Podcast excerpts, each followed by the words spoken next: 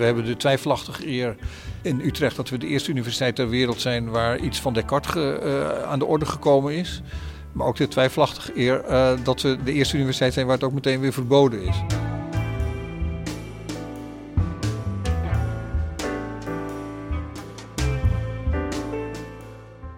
Ja, dat drinken dat wordt heel vaak benadrukt. En ik moet wel toegeven dat er wel heel veel gedronken is door studenten. En er is ook heel veel overlast van geweest. Maar die universiteit is natuurlijk ook om uh, jonge mensen te socialiseren. Heel veel mensen hebben gewoon vrienden uit hun studietijd.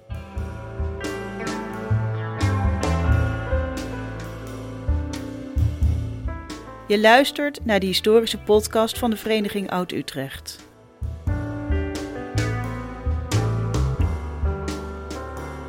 Arjan den Boer spreekt met Utrechtse historici over de geschiedenis van de stad en hun fascinatie daarvoor.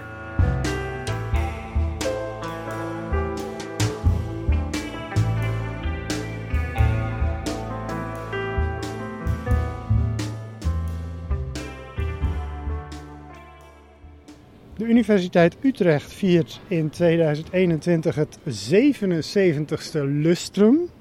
En dan kom je op 385 eh, jaar. Alle gelegenheid om te gaan praten over de geschiedenis, de rijke geschiedenis van de Universiteit Utrecht. Dat doen we met Leen Dorsman. Hallo Leen. Ja, hallo. Je bent hoogleraar universiteitsgeschiedenis. Ja, klopt. Wat dat precies inhoudt, daar gaan we zo ook nog wel uh, even op in. Misschien is het aardig om even met, die, met dat lustrum te beginnen. Want het is niet echt een mooi rond getal, hè? Ja, een lustrum is vijf jaar. Dat is altijd een soort van uh, rond uh, getal. Nee, het echte grote lustrum is natuurlijk als we 400 jaar bestaan in uh, 2036. Maar het is een traditie bij de universiteit, of misschien wel bij alle universiteiten, om elke vijf jaar zo'n lustrum te vieren. Ja, dat, tradities moet je altijd heel erg mee oppassen. want die blijken altijd minder oud te zijn dan je in eerste instantie denkt. in de 17e, 18e eeuw werd zo om de 50 jaar werd er iets uh, gevierd. Dat vonden ze wel een mooi rond getal. En in de 19e eeuw dan zie je dat het echt in, om de vijf jaar gaat gebeuren. Dan, uh, ja, dan krijgt het echt vaart, zeg maar. Dus en dat hebben we vastgehouden. Ja, dus zoals heel veel tradities stamt die uit de 19e eeuw. Ja, ja precies. Ja. De eeuw van de invention of tradition. Uh, we staan hier overigens, dat weet de luisteraar nog niet, tenzij die de geluiden van de stad al heeft gehoord. We staan niet voor niets op het Domplein, pal voor het academiegebouw centrale punt van de universiteit. Maar uh, dit gebouw zelf is nog niet uit uh, 1636. Hè? Nee, nee dit, dit is nu het, het aangezicht van de universiteit, zeg maar. Aan de andere kant is dit wel een heel bijzonder verhaal van dit gebouw. Want een universiteit als de onze, met die omvang, met, met die leeftijd ook, zou je verwachten dat dat veel meer pompeus ergens midden in de stad staat. Denk even aan Groningen, waar midden in de stad een enorm groot academiegebouw staat. Dat was hier ook de bedoeling. Uh, dit gebouw dateert uit 1894, althans toen is het geopend. In de 19e eeuw uh, was, maar dat zal geen nieuws zijn, want dat is in de 21e eeuw precies hetzelfde. In de 19e eeuw was er voortdurend geldtekort. Uh, voortdurend vroeg men zich af, uh, zijn er niet te veel universiteiten? En dan hebben we het over drie universiteiten. Groningen, dat vond men. Ja, dat vonden we eigenlijk misschien wel te veel. En er waren allerlei debatten en theorieën over hoe je dat het beste zou kunnen oplossen. En een van die theorieën was altijd, heft er één op. Nou, dat was voor Utrecht heel problematisch, want Groningen ja, die bestrijkt het noordelijke deel van, van het land. Uh, Leiden, ja, daar mag je niet aankomen, want dat is de Universiteit van de Prins, zeg maar. En dat was de allereerste ook, hè? En de eerste, maar ook de Universiteit van de Prins en de band met de Oranjes en dergelijke. En ja, dan ligt daar midden in het land, ligt daar Utrecht. Uh, en met name in de 19e eeuw, als je met het spoor al overal kunt komen, waarom zou je dan niet toch in Leiden gaan? En uh, dan hoef je Utrecht eigenlijk niet meer te hebben. Toch zijn ze hier in Utrecht er enorm van geschrokken. Want ja, je weet toch maar nooit. En toen hebben ze een truc bedacht die ze ook eerder in Groningen bedacht hebben. Uh, we schenken de universiteit een enorm groot academiegebouw. Dan staat dat daar. En ja, dat is kapitaalsvernietiging als je dan de universiteit uh, gaat slopen. Nou, ja. Wat hadden ze bedacht? Om naast uh, de Dom, zo over de hele breedte van het Domplein, dus om daar een groot academiegebouw waar, neer te waar zetten. Waar je nu de muur ziet met, ja, van met die het kale muur nu. hè? Ja, precies. en daar zetten we zo'n gebouw neer. Nou, het idee was om dat in de stijl van de tijd te doen, uh, renaissancistisch, uh, verwijzingen naar het humanisme. Dat paste allemaal bij de universiteit en die moest dan tegen de gotische dom aan. Ja, daarvan werd gezegd, dat is geen gezicht. Je zet niet zo'n gebouw daar tegenaan. Toen is er een neogotisch ontwerp gemaakt. De Een stijl, gruwel. de stijl van Pierre Kuipers. Ja, en, en de stijl van de katholieke herleving van de eh, 19e eeuw. En ja, Utrecht stond toch bekend als eh, het centrum van de orthodoxie eh, in de theologie.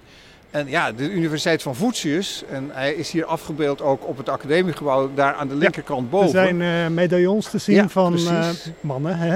Ja. Eh, die belangrijk zijn ja, geweest. en Voetius is er één van. En ja, dit was de Universiteit van Voetius. En daar ga je geen katholiek of katholiserend gebouw neerzetten. Nou, Nee. na heel veel geharrewar is toen gekozen om toch een eh nou ja, neo-renaissancistisch gebouw neer te zetten. Maar dan weg van de Dom. Het staat een beetje in een hoekje En van dan is het weggedrukt in de hoek. En Ja. eigenlijk ja, is het voor deze universiteit zou het een stuk imposanter moeten zijn, zeg maar, voor wat we zijn. Ja. Het is een oplossing en we zijn eraan gewend. En het is ook niet echt lelijk. Dus, Nee, eh, het is, eh, het is bijzonder mooi gedecoreerd. Maar je ziet het straks als we binnenkomen, dan merk je dat het lastig wordt.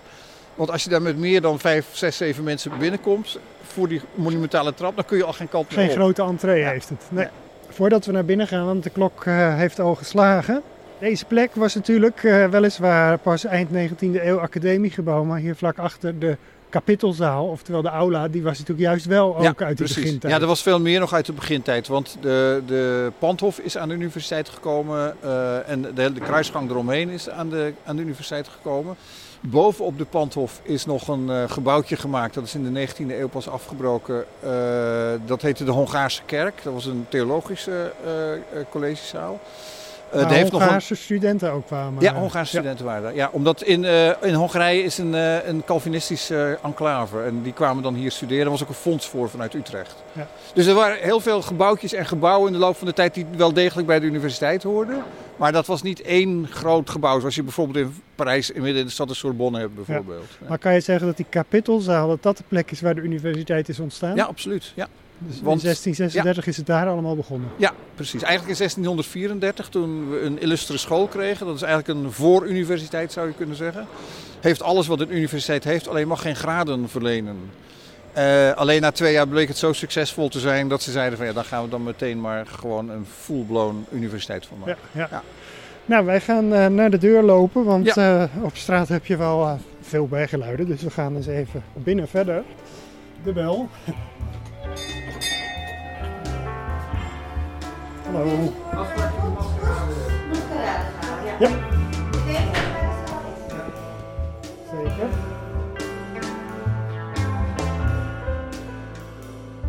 Inmiddels eh Leen, Leen Dorsman zitten in de, in de maskeradezaal.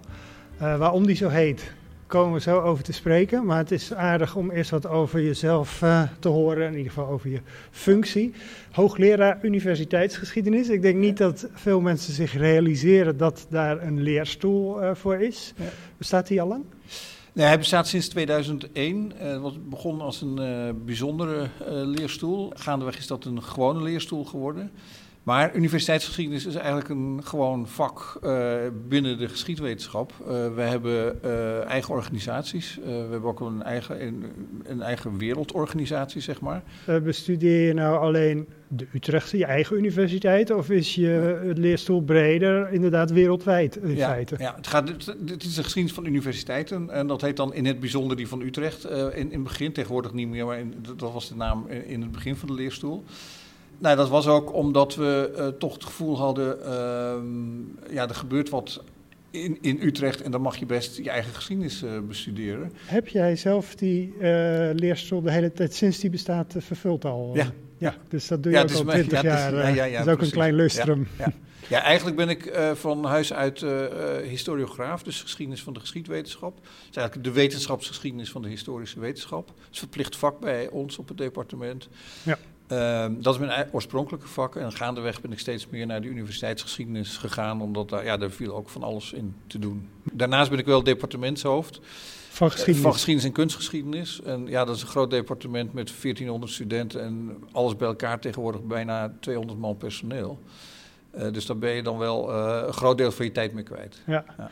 Maar je bent natuurlijk door deze functie een soort van bedrijfshistoricus van Ja, de universiteit. Dus zeker bij zo'n lustrum, dan komt iedereen naar jou toe, neem ik ja, aan. Dan, wordt, dan neemt de drukte altijd wel, wel toe. Dat is erg leuk. Uh, dat heeft altijd zijn nadelen gehad. Want de, het vak van de universiteitsgeschiedenis is altijd financieel heel erg afhankelijk geweest van Lustra. En van grote feestelijkheden van universiteitsbesturen. die dan weer een groot boek wilden hebben ter herinnering aan. En dat is altijd laveren tussen uh, nou ja, uh, een, een, een, jubelend bedrijfsboek of een kritische studie over uh, hoe de universiteit in elkaar steekt. Ja, ik heb er nooit last van gehad hoor. Nee, maar... Ik neem aan dat je juist bij de universiteit alle ruimte krijgt om onafhankelijk ja, maar, te maar er zit altijd iets van een, ja, er zit altijd een soort spanning in. Want ja, je, bent, je wordt door je eigen werkgever wordt je gevraagd om iets te doen. Dan, ja. Ja, ja, maar het is niet zo dat je de zwarte bladzijden moet verdoezelen. Nee, hebben we nooit gehad. Nee. nee. Nou, misschien komen we ook nog wel over zwarte bladzijden te spreken als die, uh, als die er zijn. Um, ik las ook nog, uh, jouw interesse ligt op het snijvlak van literatuur en geschiedenis. Ja. Uh, hoe leggen we daar de link met de universiteitsgeschiedenis? Of is dat eigenlijk iets wat je daarnaast nee, dat, ziet? Dat, maar dat zit in je persoonlijkheid eigenlijk. Ik wist niet goed wat ik moest gaan studeren, geschiedenis of Nederlands. En toen ben ik journalistiek gaan doen. Ik dacht, nou, heb ik van allebei, heb van allebei wat. Uh, maar na drie jaar dacht ik, nou, dit is toch leuker om geschiedenis te gaan studeren. En dat kon toen ook nog makkelijk. En dat was ook in Utrecht? En dat was ook in Utrecht, dus ik kon meteen overstappen. en nou ja... De, dus het zit gewoon in je om, om literatuur en, en tekst en taal interessant en belangrijk te vinden. En wat je bij de geschiedenis van de universiteit al heel erg hebt. Ik, de laatste tijd heb ik me wel bezig gehouden. En er komt binnenkort wel weer een publicatie uh, van ook. Uh, met uh, campus novels of campusliteratuur, zoals dat heet. Nou ja, de romans over wat er zich aan een universiteit afspeelt. machtsstrijd bijvoorbeeld, bij, bij wie de dean moet worden van een college of zoiets dergelijks. Of bepaalde trends in de wetenschap worden uh, bespottelijk uh, gemaakt of uh, aan de kaak gesteld. nou, dat is echt dat is een enorme berg literatuur. En nou, dat is ook universiteitsgeschiedenis. Ja, en literatuur, dan bedoel je in dit geval gaan wetenschappelijke literatuur, maar roman. Nee, roman, ja, ja, ja, ja, letterkunde dus. Ja. Ja. Nou ja, je hoort natuurlijk ook over MeToo-achtige situaties, ook op de universiteit de laatste tijd. Dat kan natuurlijk ook weer een deel van die literatuur die heel populair geweest is uh, uit de jaren 60 en 70. En dat ging heel erg over uh, de losgeslagen universiteit, docenten uh, met studenten en, en dat soort dingen. En als je die nu terugleest. Heel andere toen, je, ja, toen je ze in de jaren zeventig las, was het echt grappig. En uh, uh, ja, dan moest je enorm lachen. En je leest het nu terug en dan denk je: wow, dit soort boeken zouden tegenwoordig eigenlijk gewoon niet meer gepubliceerd worden. Denk nee, ik. Nee, Dus ook aan die literatuur kun je heel goed het tijdsbeeld uiteraard aflezen. Ja. Ja, dat is het leuke ervan. Um, nou ja, het is niet te doen natuurlijk om al die 385 jaar van de universiteit uh, te gaan behandelen. Uh, dus we nemen een paar aspecten uit. Maar zou jij een paar uh, kerndata kunnen noemen? Wat zijn nou belangrijke gebeurtenissen geweest, jaartallen? Nou ja, dan is daar natuurlijk eerst de stichting. en dat kun je dan helemaal doortrekken tot heden. Uh, want het is niet zozeer dat zo'n stad dan een universiteit krijgt, punt. Uh, maar een stad krijgt uh, mensen binnen, studenten binnen, studenten van gegoede huizen in die periode. Uh, die namen soms bedienden mee. Uh, soms kwamen hele families die kochten een huis in de stad, dure families, om ook dichtbij de kinderen te zijn. Overigens, dat gebeurt nu ook hè, voor de en dochter die studeren. Ja, precies, ja, ja. ja, En dat betekent dus dat er ook een economische band is. Want ja, er was kamerverhuur. Uh, nou, er waren toch een paar honderd studenten altijd in de stad van heinde en verre. En die moesten eten en drinken. Uh, dus dat was een bron van inkomsten. Uh, nou, dat zie je dus door de hele tijd heen gaan. Kijk, niet alle 30.000 studenten wonen meer in de stad, dat is wel duidelijk. Maar die komen wel in de stad en die gaan s ochtends hun cappuccinootje halen. Uh, en ja, die stad drijft voor een deel op die 30.000 mensen. Die, en dan heb ik nog niet eens over de hogeschool en de andere scholen die er zijn. Nee, nou, misschien is het aardig om inderdaad een paar vergelijkingen te leggen tussen 1636 en nu. Je noemt al de studentenaantallen, momenteel 30.000. Ja. Toen waren het er 30? Een paar honderd, nee, een paar honderd wel. Ja. ja. Maar we weten het eigenlijk niet, want uh, de lijsten werden niet zo goed bijgehouden in die tijd. Ja, dat, is een, een, wereld van verschil. Maar dus 1636, dat is dan toch weer voor de stad is dat echt een cruciaal. Want daarmee wordt Utrecht uh, sinds die tijd geassocieerd met een universiteit. En dat, dat, ja, dat is toch een deel van de identiteit van de stad geworden ja. ook.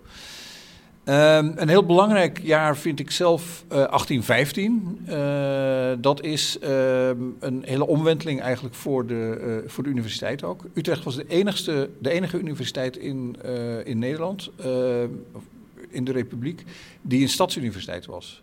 Gefinancierd door de, Door de stad en ja. niet door de, En niet door de staat- Rijksoverheid. nee, niet, ja, de Rijksoverheid was er natuurlijk niet Oh, in die, in die De periode. En de staten, ja. En dat is wat je in Leiden eh, bijvoorbeeld en in Groningen had. Dat waren de staten, die wel vaak in nauwe samenwerking met het stadsbestuur. Maar die staten eh, die financierden en hadden het ook voor het zeggen.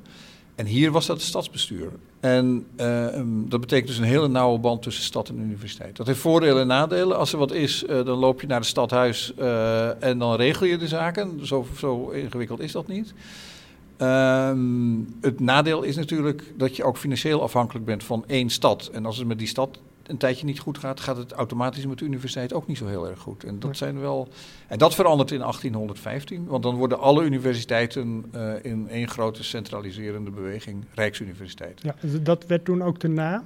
Ja, Rijksuniversiteit. Ja. Want eh, er is wel wat verwarring. In het verleden werd ook vaak van de hogeschool gesproken. Je noemde zelf al de illustere school. Ja. Dus de, de naam is in de loop der eeuwen ook wel veranderd. Ja, heel veel mensen spreken in de 19e eeuw nog steeds van de hogeschool. eh, omdat het destijds de hoogste school ook was die er was. Maar de, de officiële naam was wel Rijksuniversiteit vanaf 1815. Ja, want het betekent dat vanaf dat moment ook vanuit Den Haag de directieven kwamen. Dus vanuit Den Haag werd een reglement vastgesteld waar universiteiten in de Nederlanden, de zuidelijke ook nog en die tijd, eh, aan moesten voldoen. ehm, en aan wie ze verantwoording hadden af te leggen. Eh, en ja, dat was er voor die tijd niet. Dus, Dus dat is wel heel veel centralistischer.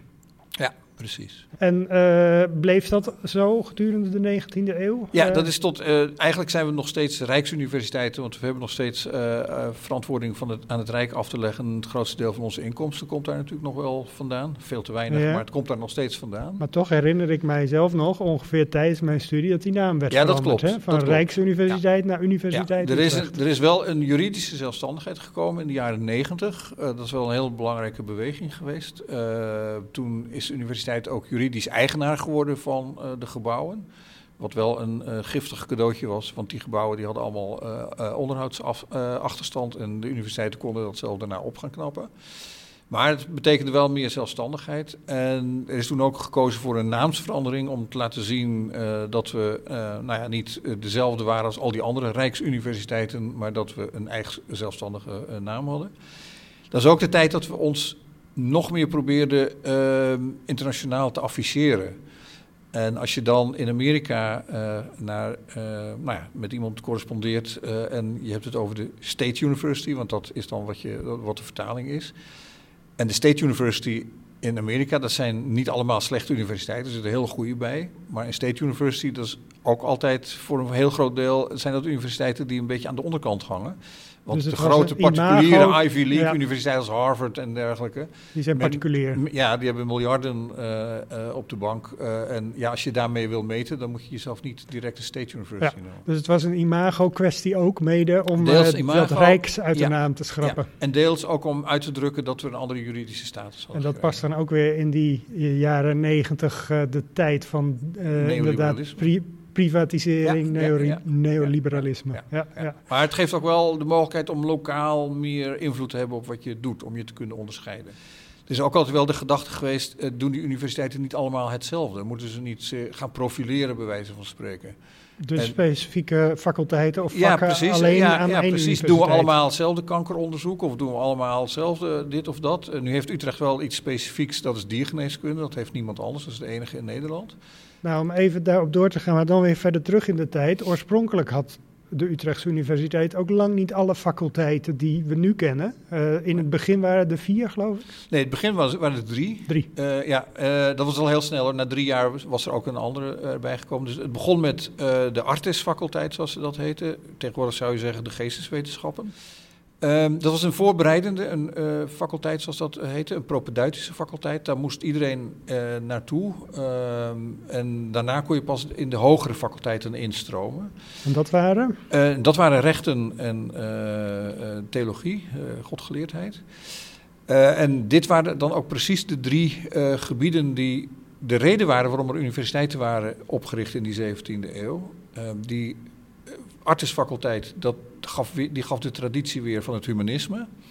Eh, wat nog steeds heel erg sterk was. Dus de, en de renaissance, zeg maar, de, zeg maar, de terugkijken naar de klassieke oudheid van uh, Rome en Griekenland als een groot voorbeeld voor hoe je dan nog zou kunnen leven. Um, dan had je uh, die theologische faculteit, die was nodig omdat Nederland in de eeuw daarvoor ehm, van katholiek-protestants geworden was. Dus er moesten dominees worden opgeleid? Er moesten dominees worden opgeleid uh, in de enige ware religie. Uh, en daar moest je toezicht op houden. Dus dat deed je dan echt heel strak aan zo'n universiteit. Dus daarom was die nodig. En de juridische faculteit, die was nodig omdat, ja, de, gaandeweg is onze maatschappij steeds verder gejuridiseerd. Nou, bij de drie eerste ah, ja, en dan kwam natuurlijk ja? geneeskunde bij. Geneeskunde, want ja. ik wou net zeggen, wat, wat eigenlijk ontbreekt in dat eerste rijtje, dat zijn ja, de, sowieso de natuurwetenschappen. En dat begon dus eigenlijk als je dat eronder kunt noemen eh, met uh, geneeskunde? Nee, eigenlijk niet. Natuurkunde zit eigenlijk in de artisfaculteit en de geesteswetenschappen verborgen. Oh ja, dat is voor nu uh, ja. een beetje nou, moeilijk Het gaat er niet zozeer over natuurwetenschappen als wel over natuurfilosofie. En dat is nadenken over hoe de wereld in elkaar steekt, uh, hoe God de wereld gemaakt heeft, hoe hij hem zo perfect gemaakt heeft dat al die dingen passen en dat het leven mogelijk is, dat soort dingen. Ja. Um, en dat gaat gaandeweg, komt daar onder uh, Engelse en Franse invloed, komt daar een, ja, een andere manier van denken, uh, waarbij het experiment een rol gaat spelen. En dan zie je dat dat langzamerhand uit die geesteswetenschappen trekt. En dan, en dan hebben we het over de tijd van de verlichting. En, ja, precies, in de 18e eeuw. En dan zie je dat ze in, de, uh, in 1815, als er een nieuwe universiteiten, die Rijksuniversiteiten komen, dan besluiten ze ook vanuit Den Haag dat er een vijfde faculteit moet komen. En daar zie je dat die natuurwetenschappen losgemaakt zijn uit de geesteswetenschappen. En dan is het echt een uh, faculteit der natuurwetenschappen. Ja. Ja, dat is wel bijzonder, hè? want nu is toch het beeld wat veel mensen bij de universiteit hebben van primair ja. de natuurwetenschappen en daarnaast ja. heb je nog een klein ja. hoekje geesteswetenschappen, maar de volgorde is andersom. Ja.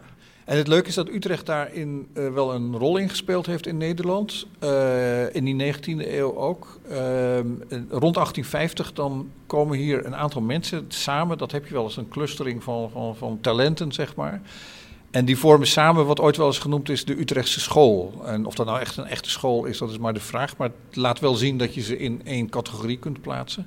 En dat zijn mensen als Opzomer, een filosoof, uh, die heel duidelijk uh, de filosofie aanhing uh, van het, nou ja, het feitelijke onderzoek wat je zou moeten doen. Het positivisme, zoals dat genoemd wordt. Uh, um, je had iemand als Donders. Uh, die FC de, Donders ja, van, de, van, de, straat ook bekend. Ja, ja. de, en de van het ziekenhuis, oogziekenhuis. Ja, ja. Hij was uh, fysioloog, dat is wel heel erg belangrijk. Um, Gerrit-Jan Mulder, die zat net even iets daarvoor, maar dat was een chemicus. die had zijn laboratorium in wat nu de Leeuwenberg is, aan de Singel. Buis Ballot, de man van de fysica, maar dan met name ook van het weer. de, de oprichter, oprichter van, van KNMI. Ja, precies.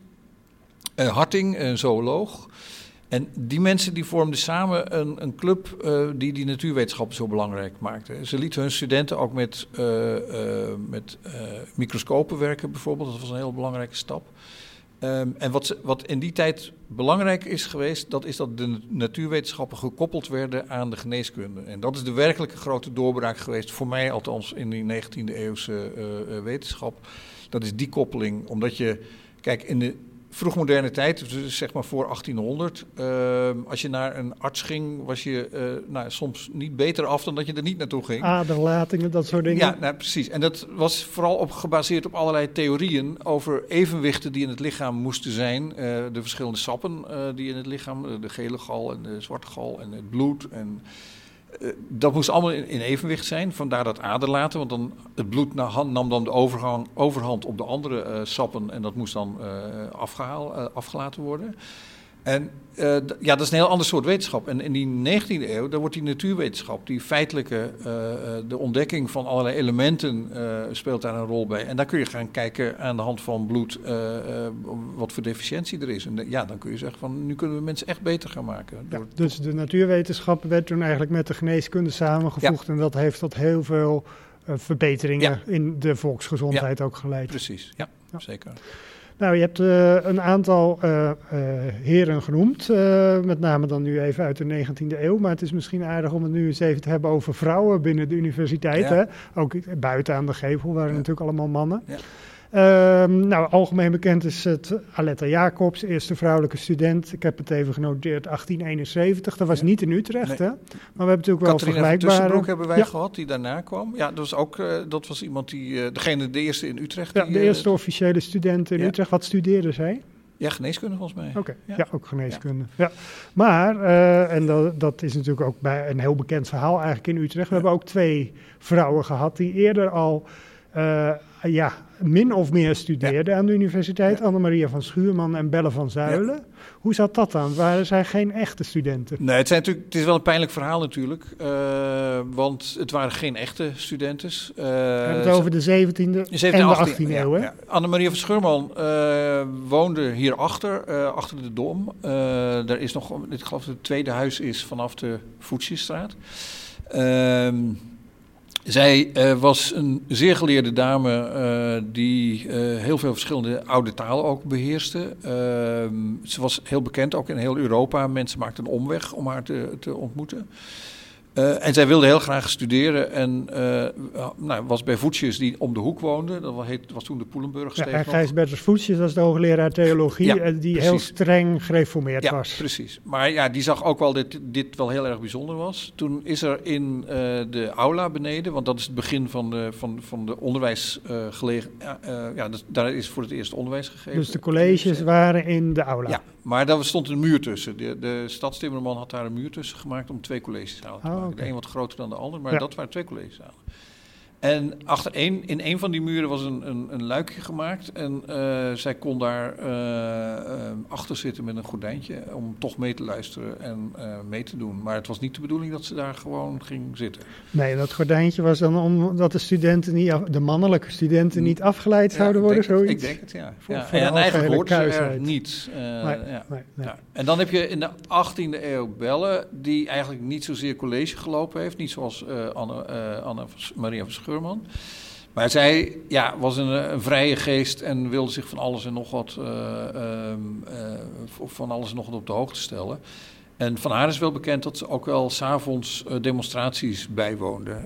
Dat is typisch een 18e eeuws verschijnsel. Sociabiliteit noemen we dat. Dat zijn genootschappen waarin proefjes worden gedaan. Maar er werden ook bij hoogleraar thuis soms proefjes gedaan om te laten zien nou, hoe dingen werkten. Steeds meer instrumenten kwamen er.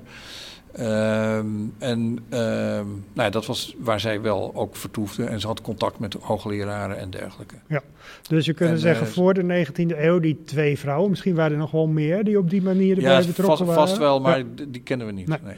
Eh, die, die waren geen officieel ingeschreven studenten. Nee. En dan een stapje verder, hè. Eh, 1880 eerste vrouwelijke student, de eerste vrouwelijke hoogleraar was nog wat later. Hè? Ja, dat is in eh, 1917 geweest. Dat is eh Johanna Westerdijk. Johanne Westerdijk, ja Ik heb het precies. genoteerd. Onze hoor. beroemde eh, eh, Westerdijk, ja. Eh, niet eens als gewoon hoogleraar, maar als buitengewoon hoogleraar, wat ook een minder salaris betekende. Dus, dus wij proberen af en toe als universiteit daar wel een mooie sier mee te maken. Van de eerste echte hoogleraar was hier in Utrecht, maar er zit ook Want dat was de eerste van. Nederland Ja, ook gelijk. Nederland. Ja, want dat gold niet voor de eerste vrouwelijke student, maar Nee. wel voor de eerste, zij het buitengewoon. Ja, ja. Nee, dus er zit, wel, er zit wel een randje aan, Ja. maar het was wel de eerste. Ja. Even terug naar die eerste vrouwen aan de universiteit. Eh, hoe zal dat geweest zijn ook voor, voor de mannen daar? Want dat waren ze natuurlijk totaal niet gewend, ook niet elders in de maatschappij. Nee, zal, zal dat heel veel reuring hebben gegeven? Ja, dat was, ook, dat was wel eh, ook het argument van de tegenstanders. Eh, dat was een tweeledig argument. Eén, de mannen zouden ervan op hol slaan en dat zou me onrust geven, daarom moest je het niet doen. En een andere argument van de tegenstanders was dat het voor de vrouwen niet goed zou zijn, want zij waren niet geschikt eh, geestelijk om, eh, eh, voor de studie. Zij waren geestelijk voor iets heel anders geschikt. Dus voor die vrouwen was het eigenlijk ook helemaal niet goed. En die vrouwen die zouden ook in aanraking komen met de ruwe studentenzeden. En dat was voor hun tere zieltjes eigenlijk niet, ja, niet goed. Nou ja, je kunt je inderdaad wel afvragen of enerzijds zullen de mannelijke studenten en hoogleraren geschokt zijn door hun aanwezigheid, maar andersom zullen die, die vrouwen ook wel uh, af en toe een wenkbrauw, wenkbrauw inderdaad gefronst Tegelijkertijd zie je dat ze natuurlijk wel een eigen wereld scheppen uh, die ook wel weer heel erg lijkt op die eigen mannenwereld. Uh, bijvoorbeeld parallel aan het Utrecht Studentenkoor werd natuurlijk de, de, Utrechtse Vrouwelijke Studentenvereniging opgericht. En ja, die, dat, dat, dat, zijn twee kanten van één medaille eigenlijk zou je kunnen zeggen. Dus in die zin nemen ze ook weer gewoon meteen de moorders over van de rest van de universiteit. Ja. Nou is er nog steeds, ook in Utrecht, uh, discussie of vrouwen wel uh, nou, gelijkelijk beloond worden aan de universiteit. Maar zeker ook dat er nog steeds uh, veel te weinig, althans niet de helft, vrouwelijke hoogleraren ja. zijn. Ja. Dus dat is kennelijk een heel erg langdurig proces. Ja. Ja, ja dat is altijd het lastige bij, bij, bij selectie, bij, bij, bij, bij sollicitatie, in sollicitatie, sollicitatieprocedures. Uh, over nou, wie snel, makkelijk praat. Uh, dat zijn toch heel vaak mannen die in één keer naar voren komen en een groot zelfbewustzijn tonen. Terwijl vrouwen denken van, nou ja, weet je, een ander kan ook wel goed zijn ja, dan moet je op, eh, op eh, alert zijn. Ja. Is uh, jouw vakgebied de universiteitsgeschiedenis nou iets wat eraan kan bijdragen door uh, het bloot te leggen hoe het in het verleden werkte, om die mechanismes die er misschien zijn nog. Uh, ja, dat geldt voor allerlei mechanismen. Ook om jezelf een klein beetje te temperen in, in, in de grootspraak die je, die je soms hebt. Bijvoorbeeld. Um, het geldt voor mijn eigen departement ook. Wij proberen meer en meer aan internationalisering te doen. Uh, en eigenlijk realiseer ik me steeds meer dat dat uh, um, een beetje flauwekul is. Want als er één instelling is die internationaal geweest is, altijd al, uh, dan is het de universiteit geweest. Ik bedoel, als je wilde studeren in de middeleeuwen hier en je kwam uit Utrecht, dan ging je naar Bologna, dan ging je naar Parijs en die, die, ja, die deden dat gewoon. Of die Hongaarse studenten, die kwamen op karren en, en op boten via de Rijn afgezakt naar Utrecht. Dat waren mensen die stapten meteen in die andere wereld. Studenten in de 19e eeuw die gaan soms met z'n drieën. Het is een mooi verhaal van een paar geneeskundestudenten. Die gaan gewoon naar Duitsland, Frankrijk om te kijken hoe daar de geneeskunde beoefend wordt. Uh, uh, buitenlandse hoogleraren waren in de vroegmoderne tijd, dus voor 1800 hier in Utrecht. En die waren er in de 19e eeuw, uh, met name in de geneeskunde, eind 19e eeuw, waren heel veel Duitse hoogleraren. En die hebben we nu trouwens in allerlei sectoren nog steeds. Dus ja, die wereld die is altijd. De universiteit enorm, is altijd heel interna erg internationaal. Ja, geweest. En, en, wij zeggen dan we moeten een internationalisering doen. Dus, dus dat probeer ik dan nou ja, als universiteitshistoricus wat ja, te relativeren door te zeggen: ja, inderdaad belangrijk, maar denk niet dat dit heel erg nieuw is, want dit, hebben we altijd al gedaan. Nou is ook heel actueel de discussie over het Engels als voertaal aan de ja. universiteit. Uh, misschien nog wel meer buiten de universiteit dan aan de universiteit ja. is dat omstreden. Uh, misschien is het wel aardig om daarom even te kijken hoe dat in het verleden was. Want het is vast niet altijd Nederlands gesproken, ook nee, niet Latijn. aan de Utrechtse Universiteit. Ja, ja. Het begin was Latijn de voertaal. Ja, en dat heeft ergens tot uh, halverwege de 19e eeuw geduurd. Dat in hele grote sectoren het Latijn uh, nog Geldt dat voor al die faculteiten? Dus ja, voor theologie alleen, bijvoorbeeld? Ja, je, ja, er werd ook wel Nederlands gesproken. Het is niet zo dat het allemaal Latijn was, maar de, de, de, eigenlijk de, de, de, de voertaal uh, uh, was eigenlijk wel vaak dat Latijn. Potjes Latijn, want het is echt geen uh, vrij Latijn vaak. Beetje zoals nu het steenkolen Engels? Ja, nou, heel vaak wel. Ja, precies. Er werd ook wel de spot meegedreven soms. Maar welke taal kreeg je in de 19e eeuw in plaats van het, het Latijn? Dat was het, het Nederlands. Nederlands ja. Maar ik kan me ook voorstellen dat in die tijd het Frans, en zeker ook door die Duitse hoogleraren, ja, ja, Duits een rol speelde. Ja, de, de, die talen, met name Frans en Duits, was toch wel de taal van de wetenschap. Aan het eind van de 19e eeuw is dat meer en meer het Duits uh, ook geworden. Maar soms ook het Engels. Uh, Donders uh, is regelmatig op bezoek geweest bij collega's in Londen en correspondeert ook in het Engels. Alleen de wetenschappelijke tijdschriften zijn heel vaak nog wel in het Frans of in het Duits. Dus als je het in dat perspectief bekijkt, dan is het misschien zelfs wel uh, vrij recent dat Nederlands de voertaal is. Ja. Of de, ja, de belangrijkste ja. taal. En is die ontwikkeling om nu weer op het Engels over te schakelen zo gek nog niet historisch nee. bekeken. Nee. Nee. En het is, ja, weet je, als je gaat kijken bij ons op, uh, op het Science Park, uh, op de Uithof, de laboratoria worden bevolkt. Daar met mensen uit alle werelddelen. En ja, dat is maar één een taal en dat is laboratorium Engels. Dat is ook weer een heel speciaal soort Engels. Ja. maar die mensen verstaan elkaar, die weten wat ze moeten doen. En dat werkt gewoon. En bij ons, uh, want bij geschiedenis zijn we een paar jaar geleden, daar ben ik zelf ook debat aan geweest, uh, ze hebben een Engelstalige variant van de, van de bachelorgeschiedenis uh, gebouwd. En die is heel populair, die is net zo groot als de, als de Nederlandstalige. Um, en daar zitten heus niet alleen maar mensen uit het buitenland in. maar toen hebben we ook docenten uit het buitenland geworven. En ja, dan krijg je dus een aantal problemen die je moet oplossen. Want ja, die mensen spreken nog geen Nederlands. Dat duurt wel een tijdje voordat ze college kunnen geven in het Nederlands. Bij sommigen die vinden het lastiger, dan duurt het dan nog wel weer wat langer. Uh, wat doe je als je afdelingsvergaderingen hebt, bijvoorbeeld? En daar is nu wel een heel mooie oplossing voor gevonden. Uh, dat is de zogenaamde luistertaal. Wat betekent dat? Nou, dat betekent dat je uh, allemaal wel een deel van die taal van die ander begrijpt. En dat je uh, uh, allemaal enorm je best moet doen, maar je spreekt in je eigen taal en de ander moet dan. Dus je stelt je vraag in het Nederlands en je krijgt Engels antwoord. Ja, bijvoorbeeld. Ja. ja. Um, het is tijd om het eens even over het studentenleven te hebben. Ja. Je noemde net al eventjes het koor en de vrouwelijke studentenvereniging. Maar uh, de universiteit is natuurlijk inderdaad niet alleen uh, studeren, maar ook bijvoorbeeld drinken. Hè? Ja, dat drinken uh, dat wordt heel vaak benadrukt. En ik moet wel toegeven dat er wel heel veel gedronken is door studenten. En er is ook heel veel overlast van geweest. Zijn heel wat hectoliters door de oude gracht gegaan. Ja, precies. Maar waar het eigenlijk om gaat bij die dingen, en dat hoor je nu uh, met COVID ook weer, uh, die verhalen dat studenten zijn zo, uh, worden zo zielig gevonden omdat ze niet naar de kroeg kunnen. Maar die universiteit is natuurlijk ook om jonge mensen te socialiseren. want wat je ziet in het verenigingsleven, dat is dat mensen daar contacten leggen die de rest van hun leven, heel veel mensen hebben gewoon vrienden uit hun studietijd. Ja. En die gaan hun leven lang mee. En dat is een, dat is een referentiekader dat je hebt. dus dat is, dat is wel heel erg belangrijk om om te leren zeg maar, met andere mensen om te gaan. En voor de maatschappij is dat uh, ook wel van belang. Uh, Jan Veldhuis, een van onze voorzitters van het college van bestuur, heeft er altijd op gewezen. Uh, dat ehm, het zo belangrijk is dat die netwerken gevormd worden. Want als jij later in, ergens in het bedrijfsleven zit en je hebt een probleem en je, wil, je denkt van ja, oh ja, maar ik ken die en die nog uit mijn studietijd en die zit daar en daar, die kan ik makkelijk benaderen. Dat zijn netwerken maar aan de andere kant, dat is wel het Old Boys Network ja, waar we ook last van hebben. Omdat ja, maar het, Old Boys Network zijn niet altijd slecht. Dat is ook, het is een netwerk dat je hebt, dat je, dat je inzet om iets te kunnen bereiken. En uh, nou, ik, ik, ik, zie daar zelf niet zoveel bezwaar in. Ben je zelf lid geweest van de studentenvereniging? Nee, dat dan, ja, dat dan weer niet. Nee, nee. Ja. Dus ook geen ontgroening uh, meegemaakt? Nee, nee, nee, nee. Daar zou ik ook volstrekt ongeschikt voor geweest zijn. Uh, dat, uh, dat zou mij niet overkomen zijn. eind 18e eeuw begint dat. met ontgroensenaten, zoals dat heette. Dat was een soort perfecte kopie van de universiteit. Want je had er een prezus en je had daar een pedel. En daarom vond de universiteit dat eigenlijk niks. Want ja, dat was toch een beetje spotten met de, met de statuur van de hoogleraren en dergelijke. Um, maar dat is, daar, eh, daar zijn de corpora uit, uit gegroeid. En daar zit die, uh, die vaste ontgroentraditie zit daar via, op die manier zit daarin. En dat is eigenlijk, de ontgroenen is weer een sociologisch fenomeen. Um, dat is de studenticose vorm van uh, de, de, overgangsrieten, die eigenlijk overal wel bestaat.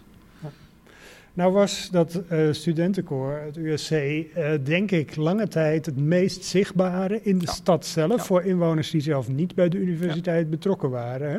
Want nou, je zag natuurlijk die studenten over straat en naar hun sociëteiten gaan. Maar zeker ook juist, en daar gaan, hebben we het nu natuurlijk over, die lustra.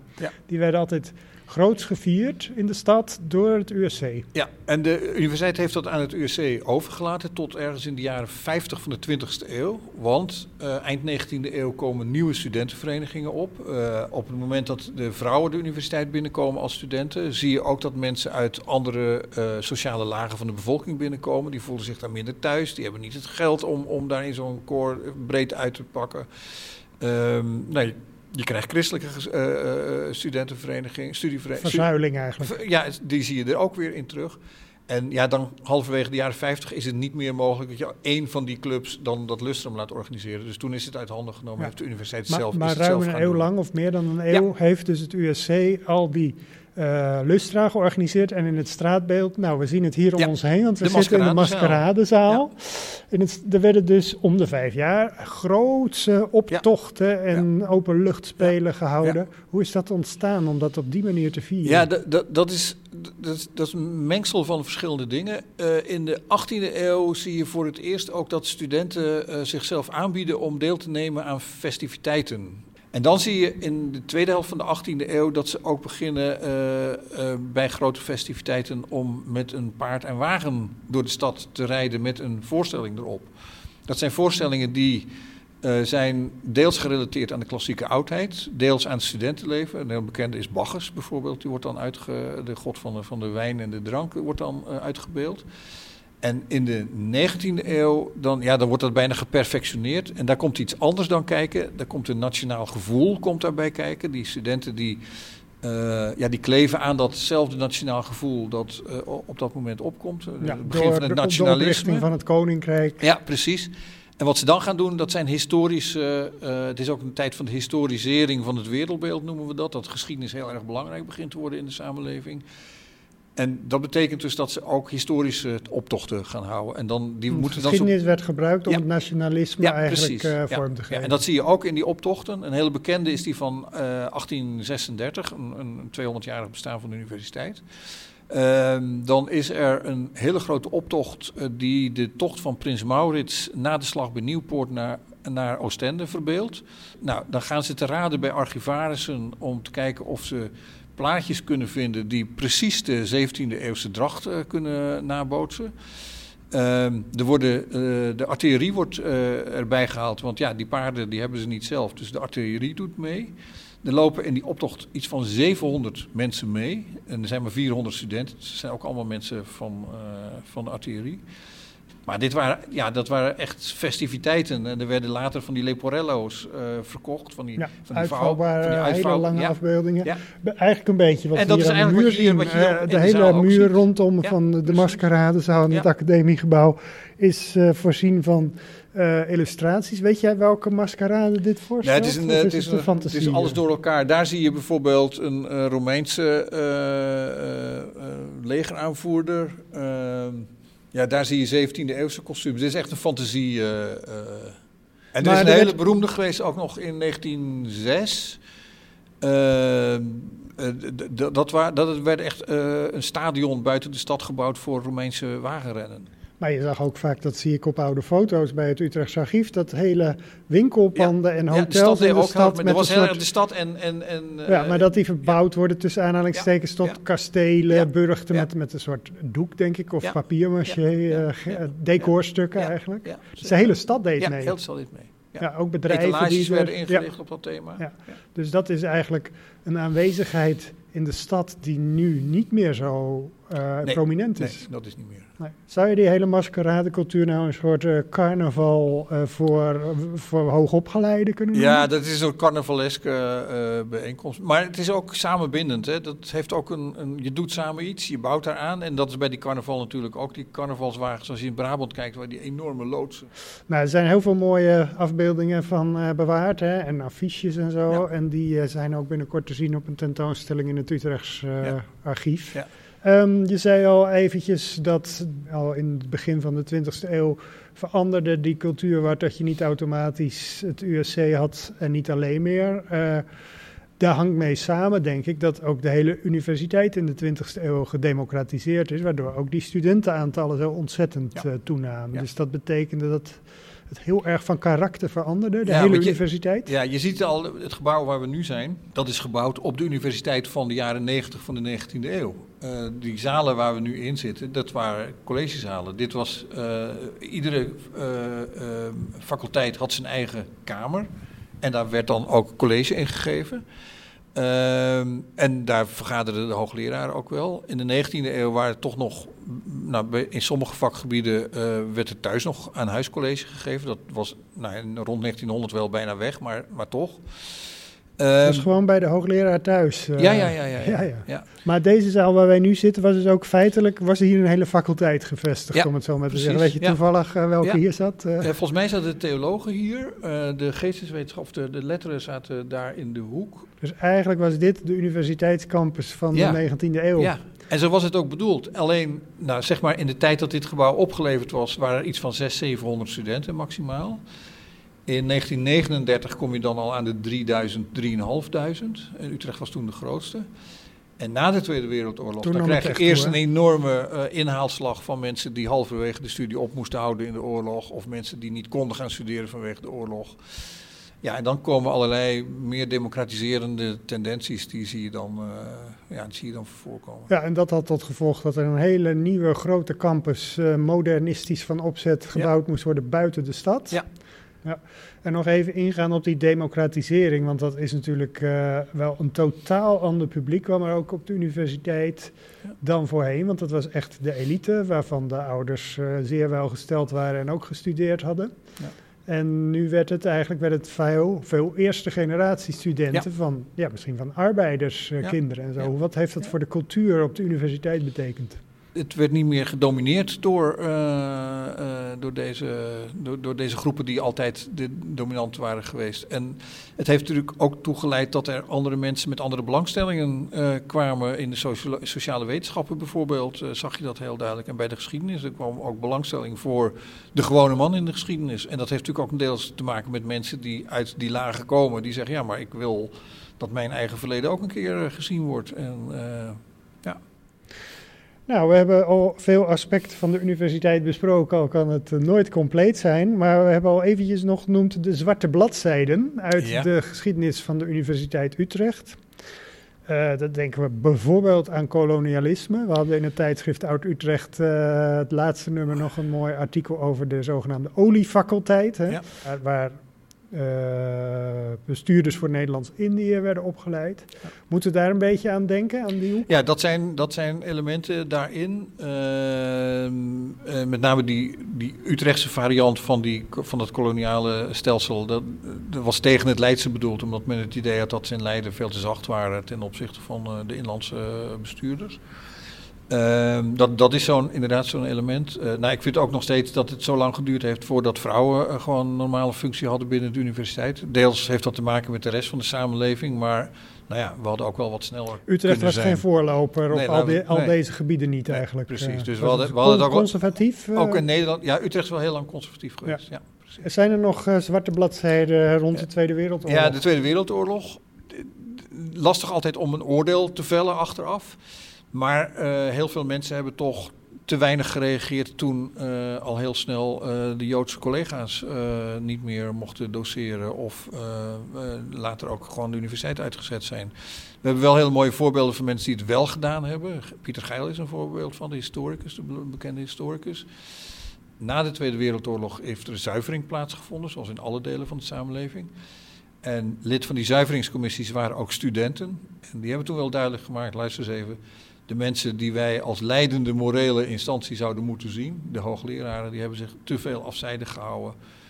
Een aantal is ronduit fout geweest uh, of hebben van de gelegenheid gebruik gemaakt om hoogleraar te worden, terwijl ze dat in een ander stelsel niet geworden zouden zijn. Maar echt heel erg fout zijn ze niet geweest. Maar hier hebben ze echt iets laten liggen en ja, dat kun je ze wel achteraf nog steeds kwalijk nemen. Duidelijke zwarte bladzijde. Nog eentje? of uh, hebben we ze gehad?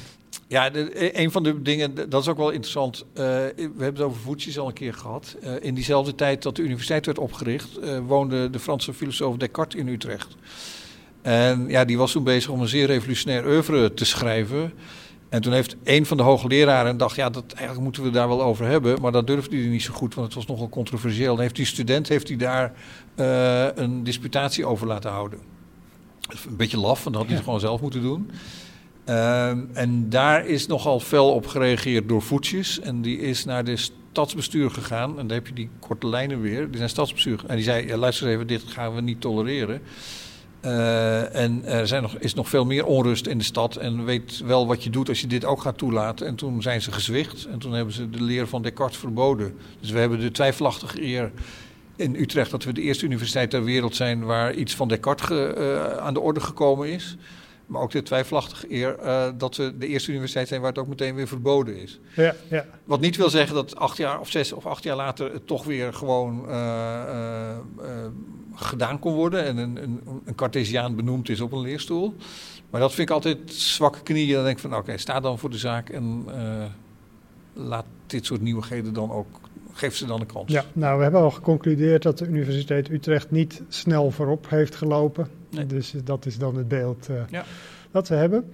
Tot slot, eh, ben je nog bezig met interessante publicaties of onderzoek, misschien in het kader van het Lustrum, over uh, universitaire onderwerpen? Nou, ik, uh, ik, had al beloofd, uh, de voorzitter van onze vereniging, de, de, International Commission for the History of Universities, die gaat met pensioen. En nou ja, zoals we dan meestal doen, is dan dat we een bundel samenstellen met artikelen die in zijn vakgebied liggen. Dus ik ben nu bezig om iets te schrijven over de geschiedenis van studentenleven in de 17e, 18e eeuw. En de weg naar het ontstaan van de corpora, zeg maar.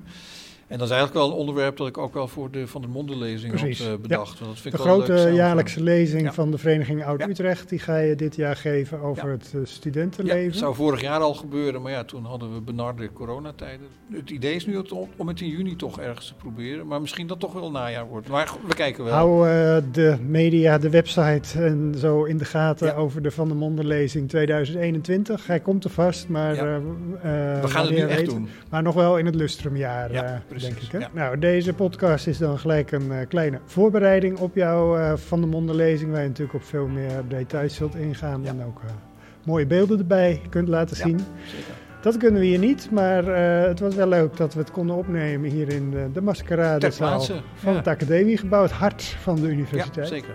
Blijft. Dank voor je medewerking. Ja, graag gedaan.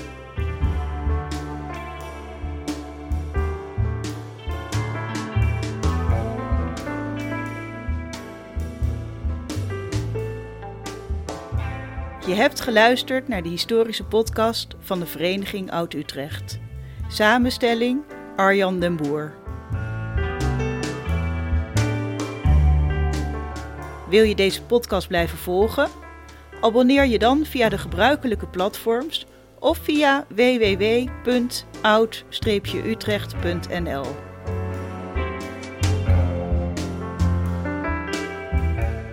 Wil je deze podcast steunen? Word dan lid van de Vereniging Oud-Utrecht en je ontvangt ook zes keer per jaar het tijdschrift Oud-Utrecht, het jaarboek en de uitnodigingen voor activiteiten. Meer informatie www.oud-utrecht.nl